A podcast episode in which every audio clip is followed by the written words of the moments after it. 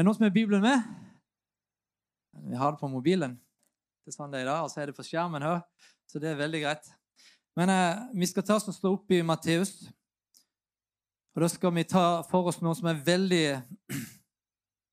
kjent for dere, de fleste. Det var noe av det første jeg lærte i Bibelen. For det er nemlig Fader vår. Bønn av Fader vår. Min mor hun sitter her nede, men eh, det, hun lærte meg Fader vår så fort jeg kunne snakke, da, og var med og ba Fader vår opp igjennom. Og det er en bønn som er jeg, jeg, må innrømme det, jeg ber ikke den hver kveld lenger. liksom som Fader vår, du som er i himmelen, på den måten. Og jeg tror heller ikke det er meninga at vi skal be, bare lese Fader vår, som noen sier. Men den forteller utrolig mye om veldig mye i vår tro. Og det jeg har sett, den lærer meg å be. Og det var derfor Jesus eh, kom med den. Men det lærer meg også om Guds hjerte. Og det lærer oss veldig mye om hva Guds vilje er for oss. Og hvilke løfter han har for oss. Jeg ser mange løfter skjult i Fader vår. Fordi at hvis Jesus sier at vi skal be dette, så skjønner jo jeg, og det skjønner du også, at det betyr at han vil gjøre alt det. Selvfølgelig hadde ikke han bedt oss om å be om noe som ikke han ville utføre for oss. Kan vi ikke være enige om det? Ja. Sånn at derfor jeg vil prøve å motivere dere til å gå hjem og meditere over hver eneste setning og bønn i Fader vår. Og tenke over hva betyr det egentlig? For vi er litt av og til vi rusher gjennom den bønna uten å tenke så veldig mye, for vi kan jo så veldig godt. Jeg trenger ikke lese engang, men det står i Matteus 6. Vi skal ta, gå litt inn i helt i forbegynnelsen der. Jeg skal prøve å ikke holde på altfor lenge, men eh, det, det, er vanskelig med denne bønnen her, for det, det, det er så utrolig mye. Men det er helt tydelig at Jesus han hadde et helt spesielt bønneliv og en helt spesiell relasjon til sin far, Gud i himmelen. Ofte når disiplene lå og sov, så var han oppe og gikk opp på fjellet eller gikk en plass og bare var i stillhet og var i Faderens nærvær. Og når Jesus ba, så var det så annerledes enn når fariseerne ba, eller når andre religiøse ba. Og disiplene de la merke til det. Derfor er det ikke så rart at de spør Jesus, kan ikke du lære oss å be? Kan ikke du lære oss å be?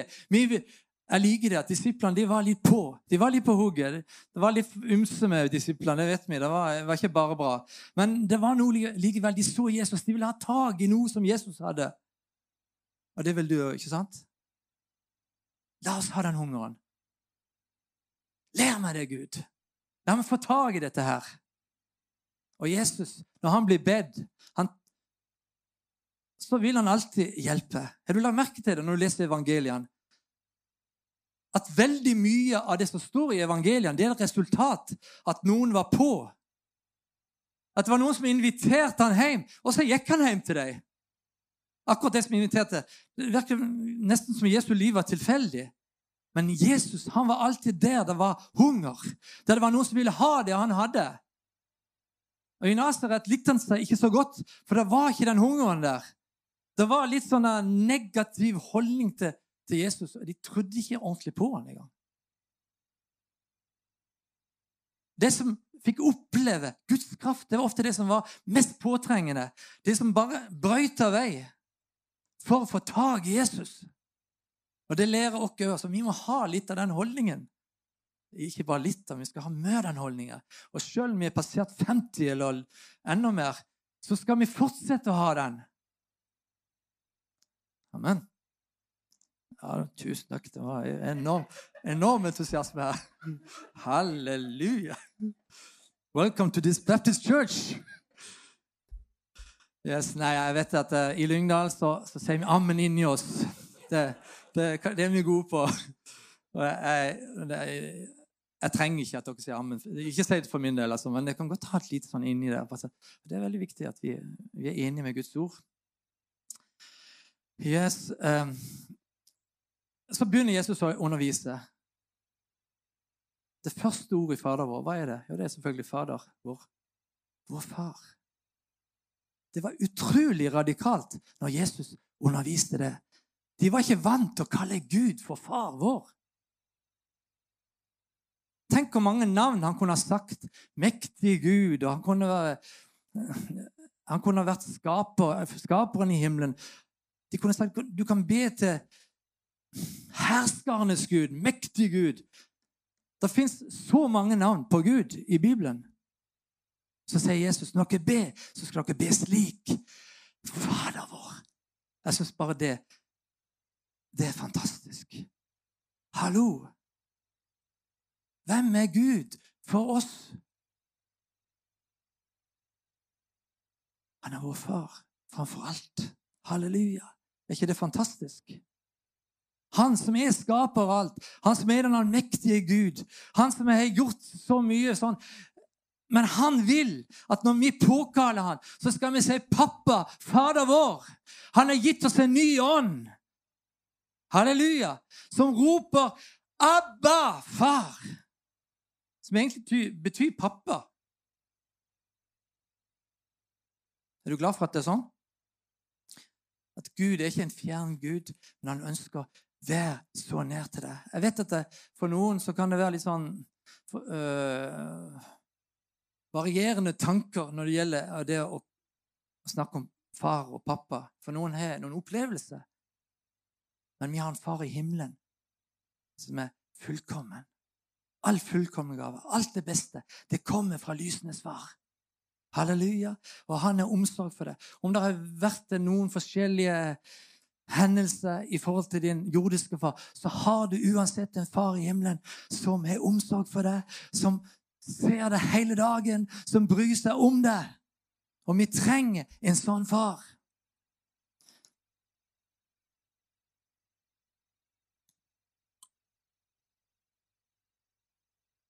Og Leser vi litt i sammenheng, så ser vi også det at Jesus han sier vi skal ikke be sånn som hedningene. For de tror de blir bønnhørt fordi de bruker mange ord. Men vi skal be sånn i tillit til at vi har en far. Halleluja. Jeg fikk eh, en åpenbaring en åpenbaring en gang som var veldig viktig for meg. Ikke det jeg, jeg visste det teoretisk, men jeg plutselig så det litt mer og litt dypere. Det er at mitt kristenliv det handler ikke om Kenneth Jacobsen. Det handler om han. Halleluja. Ja, men ikke det, selvfølgelig. Ja, på en måte. Men det er så lett å komme inn i feil fokus. At vi skal lære å be. Vet du hva som er viktig når vi ber? Det er ikke den som ber, men den som hører. Selvfølgelig den som, eh, Han er viktig, han som ber også. Men vi trenger å skjønne at fordi at han hører våre bønner, så kan vi ha frimodighet. Ikke fordi at vi har blitt så veldig flinke til å be, ikke fordi vi ber så grusomt lenge og bruker så grusomt mange ord og fine ord og rette ord. Men fordi det er en som sørger for oss, fordi det er en som bryr seg om oss. Halleluja.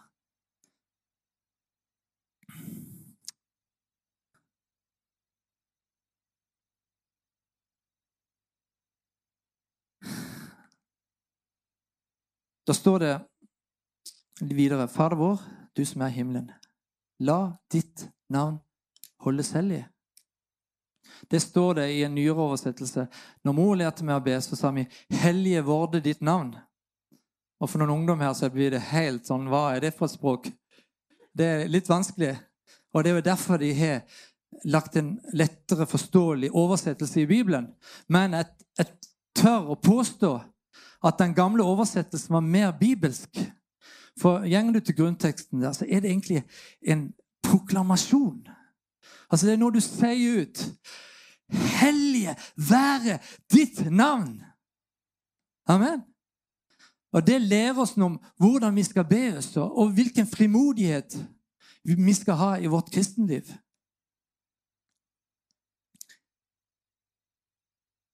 Og det lærer oss også å holde fokus på det rette når vi ber. For noen ganger når vi ber, så kan det lett bli sånn Ja, det var liksom punkt én, punkt to, punkt tre. Det er liksom alle våre problemer, alle våre utfordringer.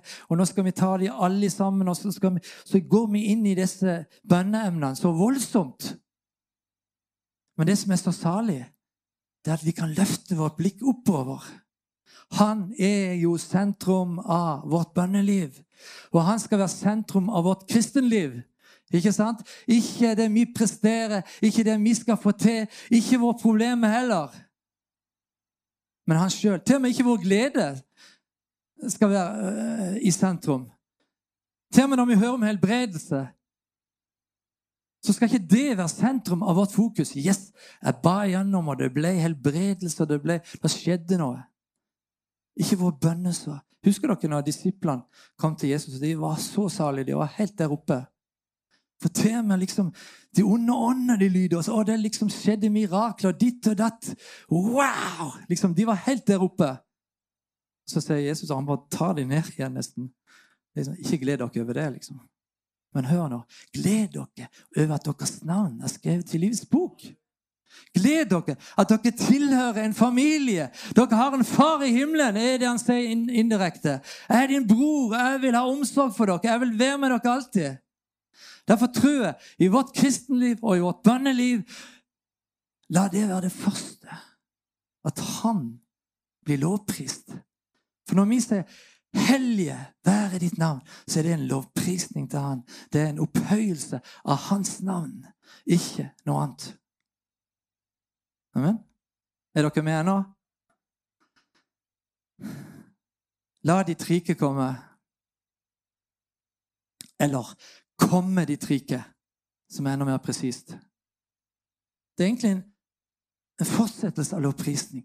Vi priser han for den han er, og vi priser han for det han har, for det han gjør, for hans rike. Vi vil at hans rike skal komme. Det handler ikke om mitt rike, vårt rike, men det handler om hans rike. Og la oss bare fortsette å proklamere det ut i vår bønn.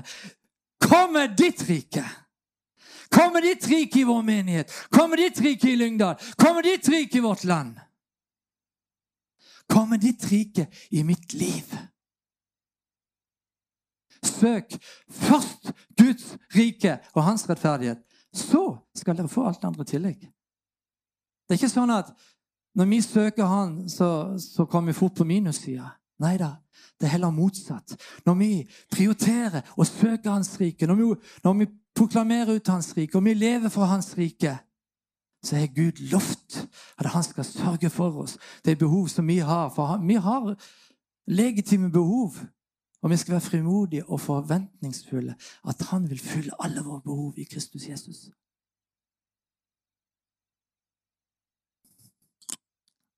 Halleluja. Amen.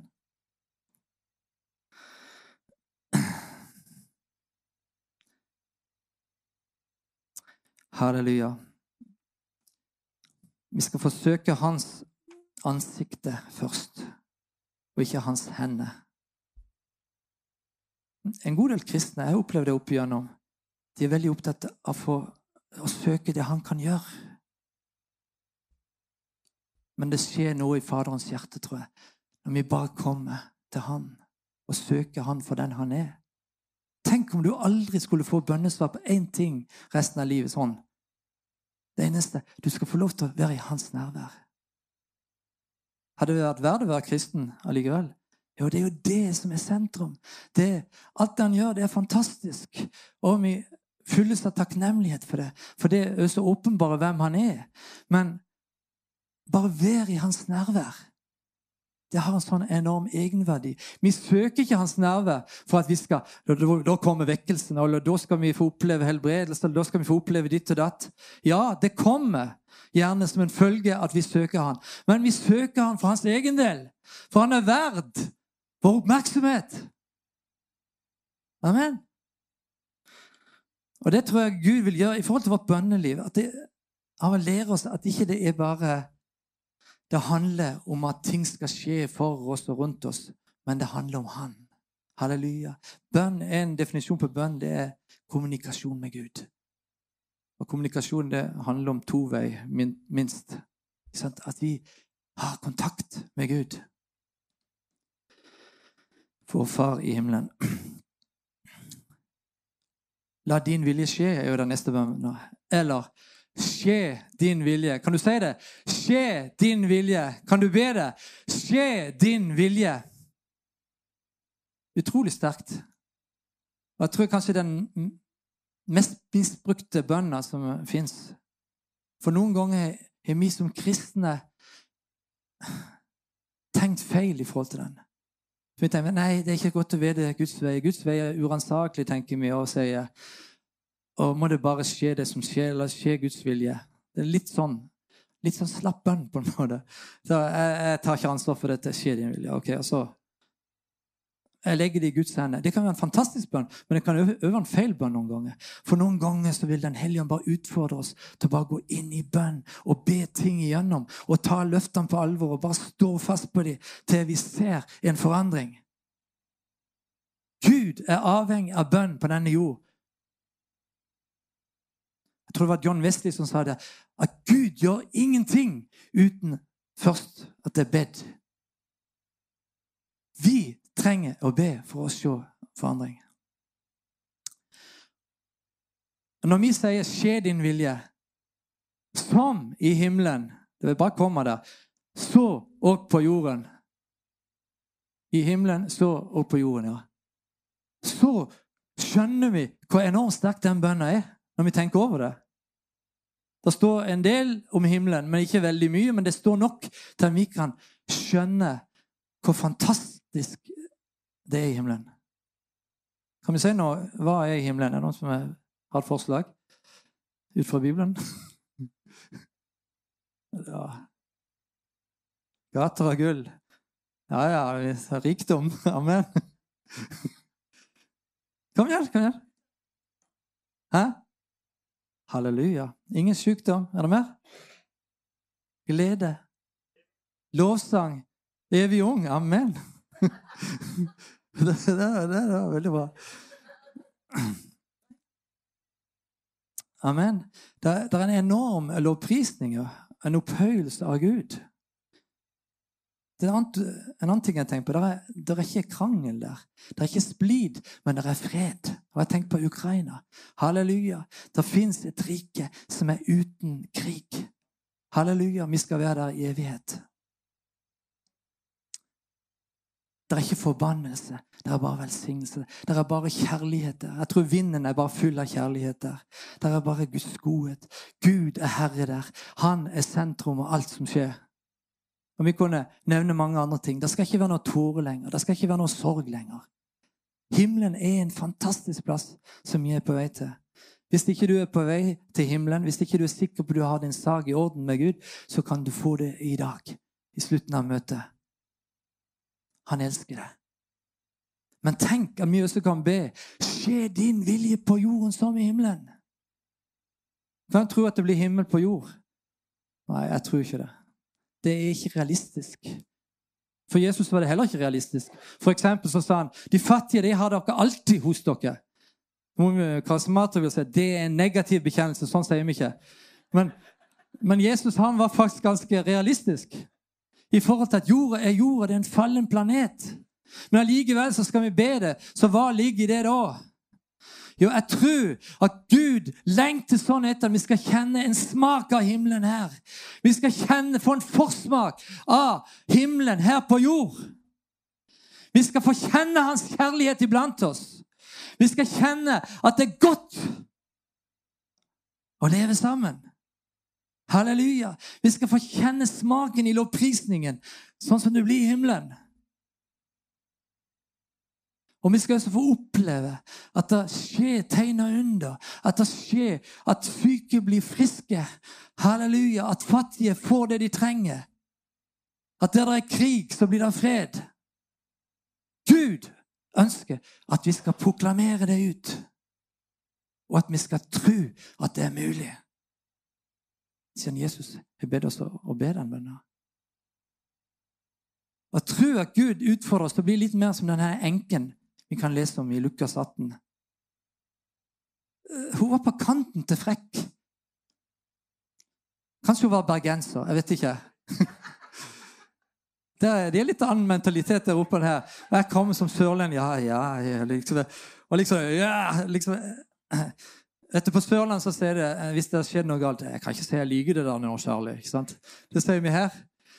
Men i Bergen så sier jeg, i samme situasjon så vil jeg si 'Jeg dreper deg!' liksom. Et eller annet sånt. Det er liksom Men, men eh, det er noe veldig bra De mener det ikke, altså. De bare sier det. Men det er liksom litt annerledes eh, måte. Men, men eh, det er noe bra med den eh, holdningen òg, av og til. Noen har sagt at hvis det, hvis det kommer vekst til Bergen, da, da blir det virkelig fyr i Norge. Når det, ja, det, det, det kan jeg tro. Men denne her kvinnen hun var ikke bergenser, det var helt sikkert ikke, men hun hadde en frimodighet, nesten en frekkhet i sin måte å, å komme fram for denne her dommeren. Hun krevde sin rett. Kan du tenke deg? det ikke, du skal ikke kreve av Gud. Nei, Hun krevde av dommeren. Dommeren er egentlig ikke et bilde på Gud, for Gud er helt motsatt av den dommeren. Men sjøl denne onde dommeren måtte gi henne rett, fordi hun sto på ordet, kan du si. Hun sto på den loven, den retten hun hadde. Og dette underviser Jesus om når han underviser om bønn. Så har vi en far i himmelen, og han skal ikke være sein til å svare oss når vi går fram for ham, og når vi står på vår rett, når vi står på våre løfter. Derfor når vi ber 'skje din vilje', så skal vi tro at Gud både kan og vil gjøre noe med det. Amen. Så jeg vil bare oppmuntre oss til å være frimodige. La din vilje skje på jorden som i himmelen. Gi oss i dag vårt daglige brød. Nå først kom det en bønn som handler om meg. Halleluja. Endelig, liksom. Jeg skal få lov til å be om, om det daglige brød.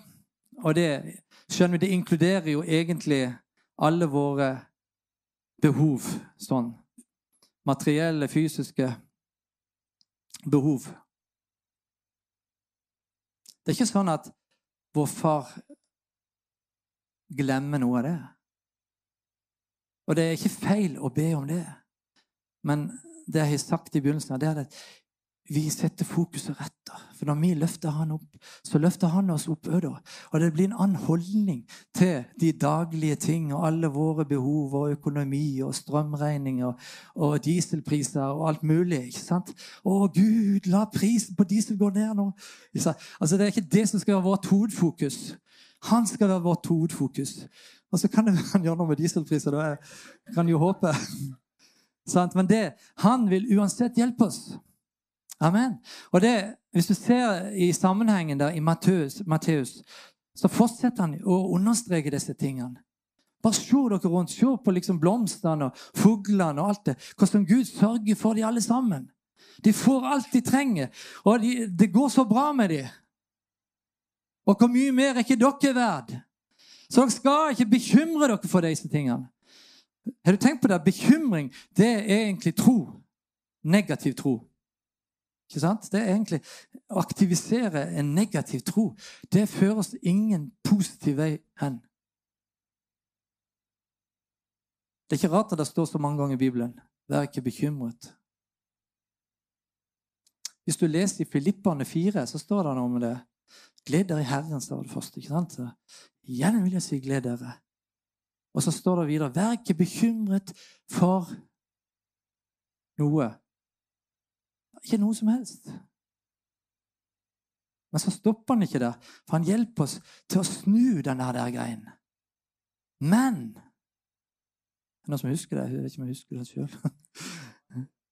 Ja, alle deres bønneemner kommer fram for ham i påkallelse, bønn, med takk.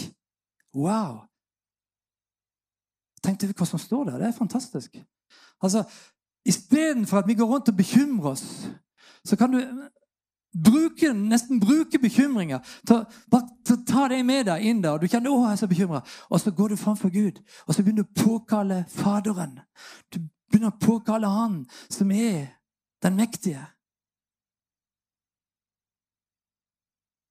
Og så skal du gjøre det til og med med takk. Istedenfor å si 'Å, Gud, må du hjelpe oss med det og det', så kan vi si 'Gud, jeg priser deg, og jeg takker deg at du har kontroll'. Takk at jeg skal slippe å bekymre meg. Takk at du vil meg, at jeg skal få alt det jeg trenger. Takk at du forsørger familien. Det er en annen ting her som jeg la merke til.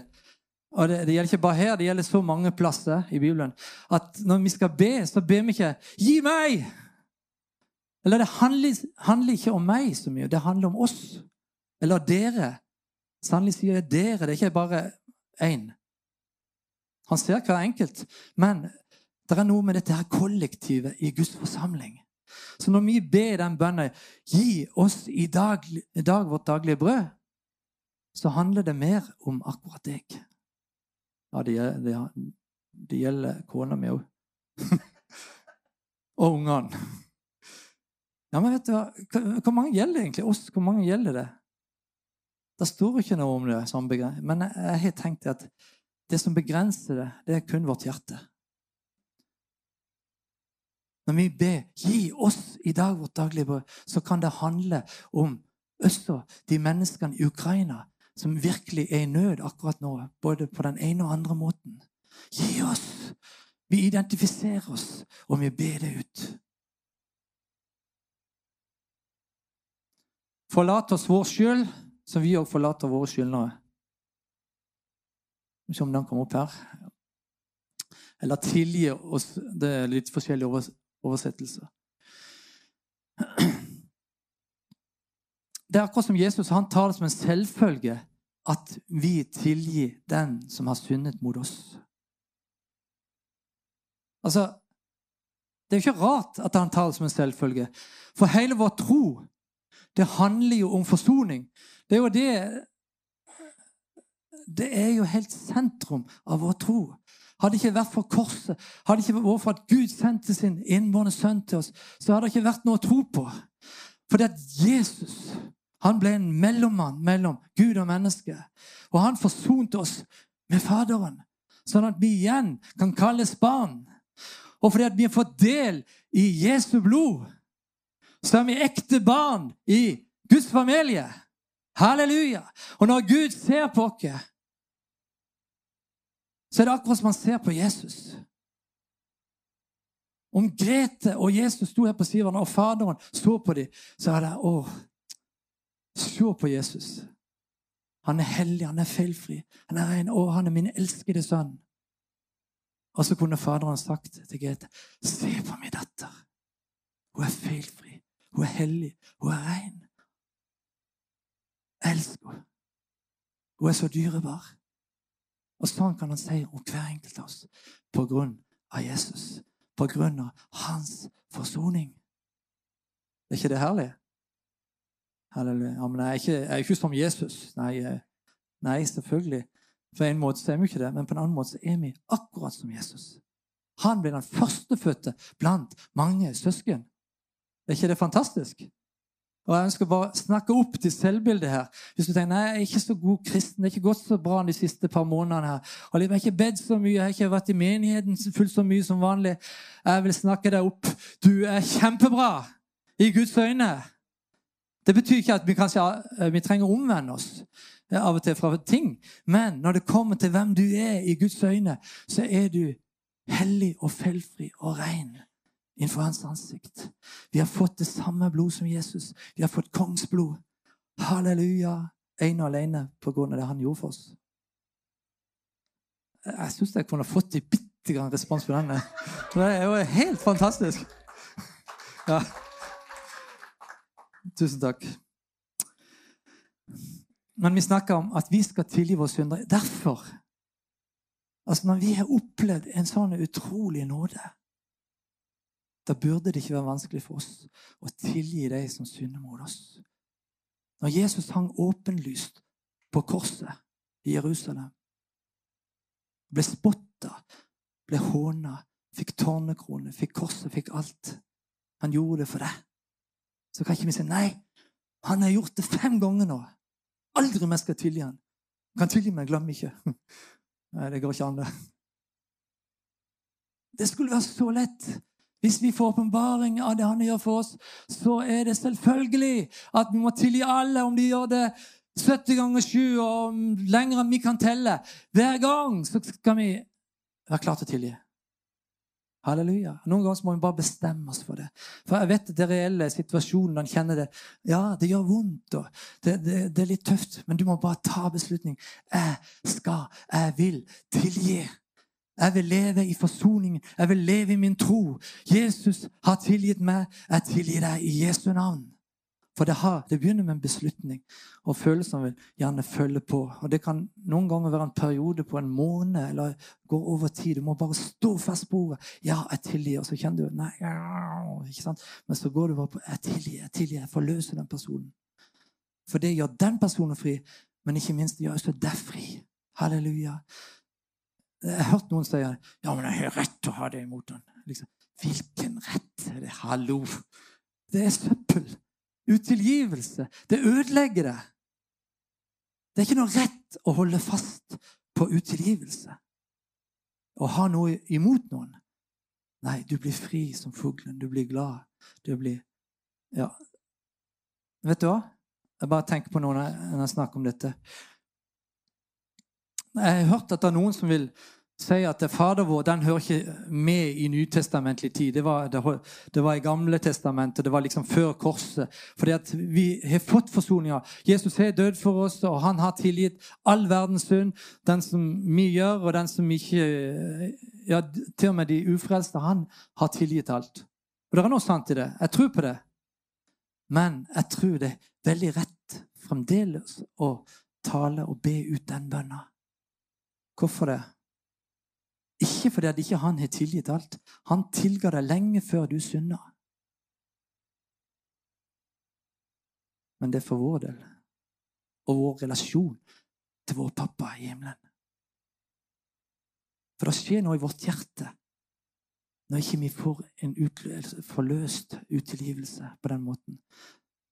Når våre gutter var små, som gode foreldre Vi, vi tenkte iallfall det hvis de gjorde noe feil, altså spesielt hvis de visste at det var feil, så måtte de komme og be om tilgivelse. Oskar han sitter der. Han var en uh, hard nøtt å knekke. jo, du skal be om tilgivelse! Liksom, det var kanskje litt sånn av og til lovisk, men men um, hos meg så var det en forståelse, hos oss som foreldre så var det en forståelse at det er viktig for deg. For dette ble du kommer liksom, du vet at de har gjort noe galt. Så, eh, til og med hvis du avslører dem og skjønner at de har enten løy eller noe sånt så, Ja, løy du? Nei. Nei. Nei. Du ser det med en gang på en unge. De klarer ikke å skjule, de er ikke lært det ennå å skjule det. Ikke sant? Så sier jeg jo, Da jeg var liten, det er mor som har sagt til meg Jeg kan ikke huske det skikkelig. Så, hadde vi sånn jordbær oppe der på berget. Og der hadde ikke jeg lov til å gå, vet du. Men Jeg bare kom på det nå. Men så var de så gode, de jordbærene. Så jeg lurte meg opp der. Så, så tok noen jordbær der. Det var en sånn bratt skrent så det var kanskje litt derfor at det kunne være litt farlig å gå der. Men jeg gikk og spiste jordbær. Men det var bare ett problem. Jeg var allergisk mot jordbær da jeg var liten. da. så det, det slo ut med en gang jeg hadde spist det. Og så sier mor 'Nå har du vært i jordbær'. Nei, nei. Og det, det, var bare lyst ut av hele ansiktet at det hadde vært i jordbærorgan. Så det var nå det. Men for våre gutter var det viktig å si 'tilgi meg, det var feil'. Tilgi meg. Og så kom vi klemme hverandre. Så, kom vi ikke, å, så var det så godt. Så var alt det vonde vekke. Og sånn er det også når vi kom til Faderen. I dag Unnskyld meg, men i kristenheten så har vi som taler, ofte forsømt å snakke om omvendelse. For det er liksom litt tøft å snakke om det. Vi trenger også å snakke om det. For det er veldig tydelig i Nytestamentet. Trenger ikke være redd for det. For omvendelse er ikke noe som skal trykke folk ned. Det er noe som setter folk fri. Halleluja. Når vi omvender oss fra noe til noe mye bedre, fra synden, og vender oss til Gud, så blir vi frie, så blir vi glade. Amen. Så vi kan fortsette å be. Forlat oss oss sjøl, Gud. Jeg skulle ikke ha gjort det. Jeg vet du har tilgitt meg, Gud. Tusen takk at du har dødd for de syndene. Men fri meg fra den der, de holdningene og de tankene. Jeg vil leve nær det. Det er en bønn som Gud gjerne tar imot, som vår far. Så tar bare pappa oss opp i fanget og så bare klemmer det. Jeg alltid elsket deg. Jeg elsker deg lenge før du kom. Men det er så godt når du kommer ned til meg og tar imot min tilgivelse på nytt. Det er jo samme med helbredelse òg, egentlig. Han tok alle sykdommene på seg på korset. Men allikevel så kan vi be om helbredelse. Ikke sant? Vi forløser det som allerede skjedde på korset for 2000 år siden. Halleluja. Det nærmer seg. Eh, og så var det neste det er, eh, Før oss ikke inn i fristelse. Eller led oss ikke inn i fristelse. Men, så det er noen som stusser litt. For det står jo i Bibelen at Gud han frister ingen. Og så skal vi be om det. Hvorfor skal vi da be om det? da? Men sånn som jeg ser det, så er det Der står det 'kommer der, men fri oss fra det onde'. Altså, Jeg må lese hele setningen i sammen der. Istedenfor at du skal føre oss i de fristelser, Gud, så skal du fri meg ifra det onde. Du skal fri oss ifra det onde. Og det inkluderer også fristelser og prøvelser som, som, som kan ta oss vekk fra troen. Du skal hjelpe oss. Du skal frelse oss, Herre, så ikke vi faller i djevelens narre. Du skal hjelpe oss, så ikke vi faller ifra deg, Herre. Frels oss, du, fra det onde og den onde. Den bønna trenger vi også å be. Det er så mange fristelser. Ungdommer. Det er så mange fristelser. Det er det for alle generasjoner. Men det, det var som Andrea, han andre sønnen min sa det, at det, det, var nok lettere å vokse opp når du var liten enn nå. For det er så mange ting i denne tida som vil dra mennesket. Ta vekk fokusen, fokuset ifra Herren. Og Da er det godt å kunne be. Før meg ikke inn i fristelsen, men frels meg fra det onde. Amen. Vi som er godt voksne, vi kan be. Gud, før meg ikke inn i denne her tilbakelente holdninga i forhold til ditt ord, i forhold til menigheten, i forhold til relasjon med deg. Men tenn meg på ny. Frels meg ifra det onde. La meg ikke komme på sida av din plan, Gud. La meg være midt i strømmen. Når du kommer igjen, eller om den dagen jeg er død, så skal jeg være i din nærhet. Så skal jeg leve nær deg. Så skal jeg leve midt i din plan. Amen. Alle sammen så har vi det behovet. Og så jeg det er fantastisk hvordan denne bønna blir avslutta med For ditt er riket og makten og æren, evighet. Amen. Det begynte med å påkalle Faderen, og så gikk vi inn i lovprisning. Vi bare løfter opp hans navn, vi løfter opp hans rike, vi løfter fram hans vilje. Og så ber vi viktige ting imellom det, og så kommer vi tilbake til lovprisning. En opphøyelse av hans navn. Han er alfa, og han er omega. Men han er også alt midt imellom. Halleluja. Han er begynnelsen og enden. Halleluja. Han er verdig all lovprisning. Vårt fokus. Halleluja. Så vårt bønneliv kan vi pakke inn i lovprisning. Foran og bak. Og det kan du sannelig gjøre med ditt kristenliv også. At Alt begynner med han, alt slutter med han. Halleluja. It's not about me, it's about, it's about you. Him. Halleluja. Tusen takk, Jesus. Halleluja. Vi priser ditt navn.